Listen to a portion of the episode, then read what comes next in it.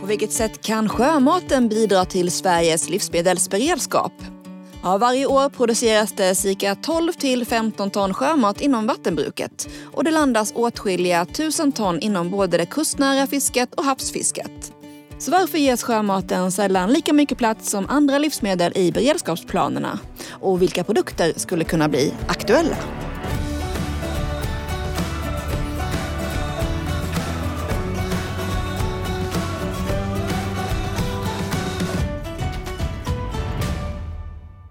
Välkomna till podden Landet med tema sjömat och livsmedelsberedskap. Jag heter Sandra Negård Petersen och i panelen idag har jag med mig Teija Aho, vice ordförande i Sveriges fiskares producentorganisation. Du är också själv yrkesfiskare och fiskodlare. Hej Teija! Hej! Sen har vi Wenke Hansen, vd för Matfiskodlarna Sverige AB. Hejsan Wenke! Hej hej! Och vi har också Lina Vara, jordbrukspolitisk utredare på Jordbruksverket med oss. Hej Lina! Hej hej! Ja, och jag vänder mig först fram till Wenke och Teija. För idag så utreds det på flera håll om Sveriges livsmedelsförsörjning i kris och krigstider. Fisket och vattenbruket får kanske inte lika stor plats i utredningarna som andra livsmedel. Varför tror ni att det är så? Vill du börja, Wenke? Jag tror mycket handlar om eh, okunskap. Att man kanske inte känner till att vattenbruket finns och vart det finns och vad det är som produceras. Ser man på Matfiskodlarnas medlemsföretag så, så står det för över 95 procent av produktionen av röding och regnbåge idag så finns de faktiskt lokaliserade i nio län. Man har tillstånd att producera totalt nästan 20 000 ton fisk så att vi pratar om ganska många miljoner fiskportioner per år som branschen skulle kunna bidra med och såklart inkluderas i beredskapsplaner och öka Sveriges självförsörjning såklart ännu mer om vi kan eh, öka produktionerna jämfört med vad vi har i, idag. Okej, okay, så det, det, finns en stor potential men eh, det saknas eh, kunskap. Vad säger du Teija?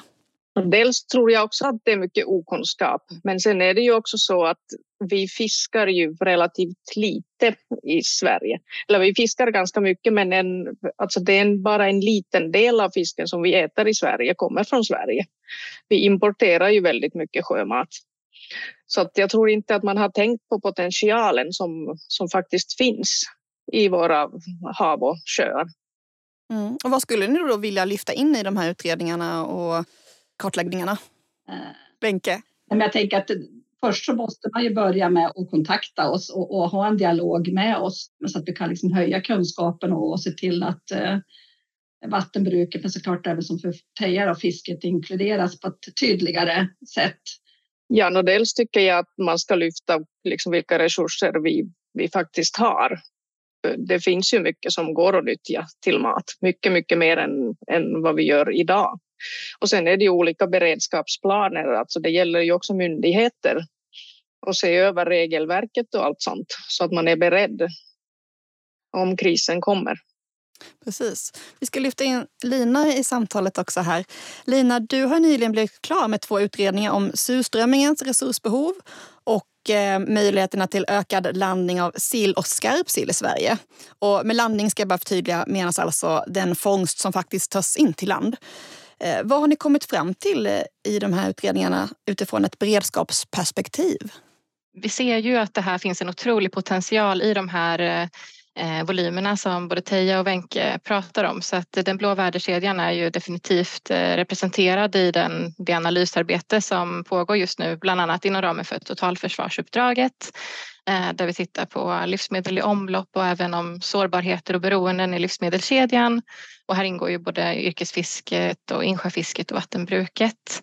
Eh, och precis som du sa, den här utredningen som vi har gjort om fiskberedningsindustrins mottagningskapacitet, där lyfter vi ju framförallt arterna sill och skarpsill utifrån ett ehm, Eh, mottagningskapacitetsperspektiv. Eh, vi vill se vad, vad krävs för att eh, öka landningar. Jag tycker att i de här samtliga produktion, produktionsgrenarna så finns det ju väldigt stor potential och för just arterna sill och skarpsill så har vi idag stora volymer som inte går in i den svenska livsmedelsproduktionen och där pekar vi ju lite på vilka åtgärder som skulle krävas för att öka den.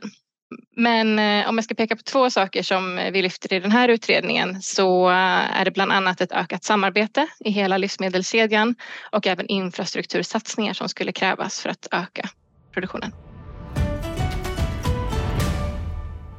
Tia, vilken betydelse vill du ge sjömaten i kris eller krigstider? Jag tycker sjömaten kan ha väldigt stor betydelse. Fisket har ju den fördelen att vi kan fiska året runt. Även om vi har is i delar av landet. Så det går även att fiska under isen. Bönderna kan ju inte odla på vintern. Men vi kan faktiskt fiska året om. Och det är en väldigt stor möjlighet skulle jag säga.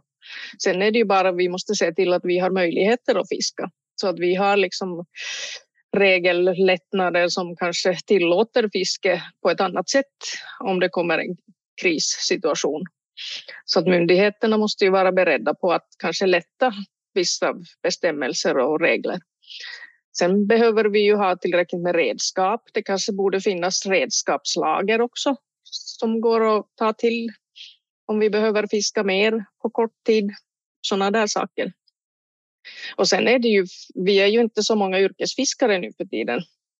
Och det skulle ju behövas nya krafter. Och där har vi mycket myndighetsbeslut som behövs för att vi ska få till nya unga fiskare. Så att vi har mer, mer kraft att plocka upp fisken ur havet när det behövs. Mm, ett långsiktigt insats kan man säga där. Ja, precis. Få in fler yrkesfiskare. Wenche, har du något att tillägga just om, om uppfödd fisk där? Fördelarna med det? Alltså man kan fiska året runt och så är det lite grann med den odlade fisken också. Vi har ju en möjlighet att plocka ut fisk ur anläggningarna under hela året. De större odlingarna har ju en kapacitet idag till att eh, förse oss med fisk året runt. Och står vi ihop alla de här företagen som vi har så finns det en enorm potential att eh, kunna leverera fisk eh, inom Sveriges gränser om gränsen skulle stängas exempelvis under en ganska lång period. Ja, och vilken förmåga har då fisket och vattenbruket att leverera mat till den svenska befolkningen? Alltså förmågan har ju våra, man tittar på den produktionsvolym som de har idag, men även om man ser på de nya miljötillstånden och vad man om man ska nyttja dem fullt ut så är ju förmågan eh, väldigt stor. Eh, skulle man nyttja tillstånden maximalt, bara våra medlemsföretag då, så skulle man ju, om man skulle liksom grovt räknat, eh, räkna om cirka 20 000 ton ehm, röding och regnbåge per år så blir det mellan 65 till 75 miljoner fiskportioner bara per år. Så att eh, förmågan att leverera finns ju ja, jag skulle säga att fiskets förmåga att leverera är väldigt god och det kan skalas upp ganska snabbt. Ja, och Lina, då undrar man ju vilken kapacitet har hamnarna för att ta hand om all fisk så att vi kan konsumera den? Eh, betydligt större kapacitet än vad som nyttjas idag skulle jag säga. Eh, det är väl ett av våra eh, huvudsakliga medskick från rapporten att det som har hänt är att beredningsindustrin som hanterar sill och skarpsill den, den går inte på, på full kapacitet överhuvudtaget. Så att den viktigaste åtgärden som vi ser för att bygga eh, beredskapen där det är ju att eh, se till att de har en välfungerande robust produktion eh, som det är nu som man sen kan skala upp i vid en krissituation. Eh, och då skulle man ju kunna införa två eller tre skift om man skulle behöva fiska väldigt mycket på kort tid exempelvis. Eh, så att vi, eh, vi ser att det finns betydligt mycket större potential än vad som nyttjas idag. Vad säger du Teija? Ja, jag tänkte lägga till där att utmaningen i Sverige är ju att avstånden är så långa.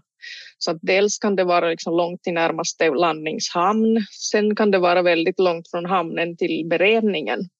Och också från beredningen liksom till butiker och restauranger och kök liksom vars fisken ska serveras. Så att avstånden är alltid långa. Och då krävs det ju liksom att man tänker på infrastrukturen, att transporterna fungerar även i kristider. Och att vi har bränsle både till båtar och bilar och, och allt sånt. Men jag tänkte, Teija, du var inne på det här med redskap som behöver finnas och vilka insatsvaror som rör fisk och sjönäring eh, blir begränsade för fisket om vi kommer in i en kris? Eh, det som jag tror blir mest problematiskt är is. Fisken måste ju hållas kyld och om det inte finns elförsörjning till exempel så då blir det ju väldigt utmanande, framför allt på sommaren. Men sen är det ju, man ska se till att man har liksom allt som man behöver till fisket i lager. Till exempel just redskap är ju att båtarna är i skick och att det finns tillräckligt med fiskare helt enkelt. Sen själva produkter, alltså fisken behöver ju inte serveras färsk utan man kan ju liksom göra olika, till exempel konserver av det och ha som beredskapslager. Vilket jag tycker är jätteviktigt att tänka på redan nu. Det går faktiskt att göra väldigt mycket av fisk, annat än liksom äta bara filé. Wenche, vad mer behöver utvecklas i Sverige för att stärka era branschers möjligheter till att eh, bidra till livsmedelsberedskapen? Det är inte lätt att driva ett eh, vattenbruksföretag i Sverige idag, eh, varken att starta eller driva det. Framförallt genom alla regelverk och så vidare. Men det skapar ju också en osäkerhet i, i nästa del i kedjan. För vem vågar investera och bygga ett slakteri eller förädlingsanläggning när man inte vet hur länge eh, man kommer att kunna köpa odlad fisk i Sverige. På samma vis blir det dominoeffekter kring om man säger till eh, handeln och grossister som köper in odlad fisk idag. Hur ska de våga ta in någonting i sortimentet eh, när det förutsättningar för primärproducenterna kan vara ganska osäkra? Att vi, får liksom, vi måste jobba med de här dominoeffekterna och vi måste liksom stärka börja med att stärka nerifrån och fortsätta stärka vidare i värdekedjan om vi ska kunna ha robusta företag i Sverige. För att om vi inte har robusta företag alltså när vi befinner oss i någon form av normalläge så kommer vi absolut inte att ha företag som kan växla upp och, och fortsätta och bedriva vara robusta när vi har en kris eller krig. Det är ju liksom i normalläge som vi måste se till att satsa på att göra det enklare för att bedriva verksamhet i, i Sverige. Lina? Ja, men jag tänker att det är väldigt viktigt att man eh, fortsätter att främja diversitet i livsmedelsproduktionen. Att vi har en bredd, att fiskeflottan har en bredd. Att eh, landningar av fisk inte begränsas till, eh, till infrastruktur i andra länder i alltför stor utsträckning. Att vi har en regional spridning av våra landningar och att det finns olika typer av bearbetningsmöjligheter och olika produktionsgrenar vissa kriser så skulle ju vissa produktionsgrenar kunna vara mer lämpliga, exempelvis energisnåla, eh, sådana som eh, bygger på lagring som inte har, eh, som är så alltså energikrävande att man lägger Eh, vissa produkter på lag exempelvis. Att det finns som Teija var inne på innan att man har konserveringsmöjligheter. Sånt kan man också anpassa efter vilka eh, fisksorter som är i säsong. Eh, man kan ju lägga väldigt mycket olika saker på konserv exempelvis. Att tillgången i en konservfabrik, att ha, att ha den typen av produktion i olika delar av landet, det är ju liksom en, en robusthet i sig ehm, och att vi ökar nyttjandet av olika typer av restströmmar i beredningsindustrin vad är restströmmar för något? Restströmmar är ju de flöden som uppstår när man tar ut en, en sillfilé exempelvis. Då blir det ju en hel del av fisken kvar. Ehm, så om man tar den här klassiska sillfiléproduktionen då har man ju ett uttag på 40 procent på den totala sillen då. Och resterande delar går ju in i annan typ av produktion, exempelvis foderproduktion eh, kan det gå till. Det kan också gå till biogas. Och jag tänker att ehm, med produktutveckling, man skulle kunna, det pågår forskning och man försöker kommersialisera sillfärs exempelvis som bygger på ett ökat nyttjande av de här eh, biprodukterna eller biflödena som uppstår. Och i en kris så kanske man inte heller kan förvänta sig att man får äta precis det som man äter till dagligdags. Då kanske man får äta färser eller bollar eller andra typer av produkter som får se dagens ljus. Ja, och vilka produkter skulle vi då kunna njuta av under en kris? Vad säger du Teija? Jag tycker möjligheterna är nästan oändliga. Alltså istället för att äta importerad tonfisk i burk så kan du göra likadana produkter av inhemsk fisk. Alltså alla karpfiskar, till exempel mört, braxen, id, går jättebra till sådana ändamål. Man kan kalla det för liksom svensk tonfiskprodukt eller ersättare till tonfisken i burk. Man kan lägga i, i olja i glasburkar också så det ser också lite snyggt ut med lite olika kryddor och man kan liksom blanda grönsaker i och allt möjligt. Man kan göra fiskbullar och lägga dem i burk som man köper nu fiskbullar i, i affären. Så att det går att göra väldigt mycket. Sen kanske man kan titta på vad gjorde man förr i tiden? Och framförallt här uppe i Norrbotten är det fortfarande populärt att äta saltströmming. Det är väldigt mycket ungdomar som, som tycker om saltströmming också. Så det är lite roligt. Det kanske kan få en ny renässans. Och varför inte göra saltlöja eller saltmört? Mm, inte helt fel. Lina, du var inne på sillfärsen innan, men vet du något mer vi skulle kunna lägga på våra tallrikar? Nej, men jag tänker bara att um, alltså det är jätteintressant med alger tycker jag. Jag tycker eh, överlag att de här produkterna som vi inte äter så mycket av idag, alltså det kan finnas ett arbete att göra också hos konsumenter, att stötta konsumenter och vänja dem vid tanken på produkter som man inte äter till dagligdags. Eh, och det kan handla om alltså, nya arter som man inte har hört talas om innan, eh, men också hur man hanterar dem och lagar recept på dem och kanske den här kunskapen om att eh, hantera en hel fisk exempelvis, den finns ju inte hos svenska konsumenter längre. Så det finns nog eh, mycket att jobba på eh, i olika delar av hela den här kedjan. Från att man plockar upp fisken eller algerna ur havet fram till att det landar på tallriken. Då. Ja, det, det är kanske dags att plocka fram gamla husmoderslexikonen, eller vad, vad säger du Wenke?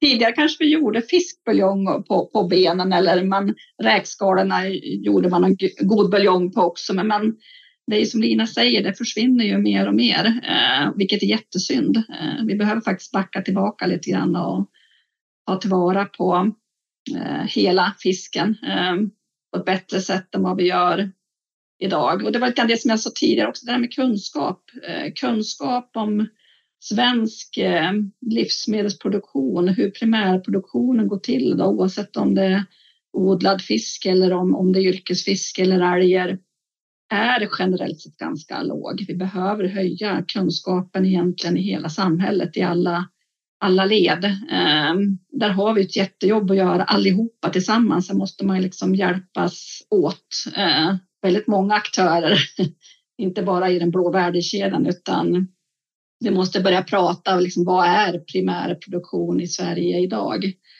Det finns ganska mycket gammal kunskap om, om hur man producerar mat och hur man odlar fisk exempelvis. Där har vi ett jättejobb att göra tillsammans allihopa. Vilken sjömat skulle ni helst vilja äta under en kris? Kan börja med Lina. Eh, jag får väl säga sillfärsen med eh, tacokrydda. Men sen bor ju jag eh, mitt i landet och beroende på kris så kanske jag inte kan vara där det landas sill. Det vet man ju inte. Eh, så om jag ska tänka lite praktiskt eh, kring vad som finns här i Jönköpingsområdet så eh, kanske jag skulle försöka eh, få tag på rökt vettesik eller eh, ja, jo, men rökt vettesik som ju fiskas och bereds här i, i mina trakter. Mm, tack. Och Wenke då? Alltså jag hoppas att mina medlemsföretag kan leverera lite rådgivning och regnbåge åt mig. och Teija, vilken skulle bli din go-to krismat? Ja, om det finns tillgång till färsk fisk så helst äter jag då stekt siklöja eller stekt abborre. Men om man måste ta till konserver så det blir inte surströmming kan jag säga, utan i så fall skulle jag vilja äta rökta siklöjor från burk. Alla vet ju vad Kalixlöjrom är, men själva siklöjan är ju väldigt okänd i Sverige. Och den, det är nästan en moralisk plikt tycker jag att nyttja själva fisken också, inte bara rommen. Och den är ju väldigt mångsidig fisk. Man kan steka den, man kan fritera den, man kan lägga den i burk, man kan röka den. Alltså det, den är väldigt god i alla olika former. Och med det mattipset är veckans Landet där vi fokuserat på sjömat och beredskap slut.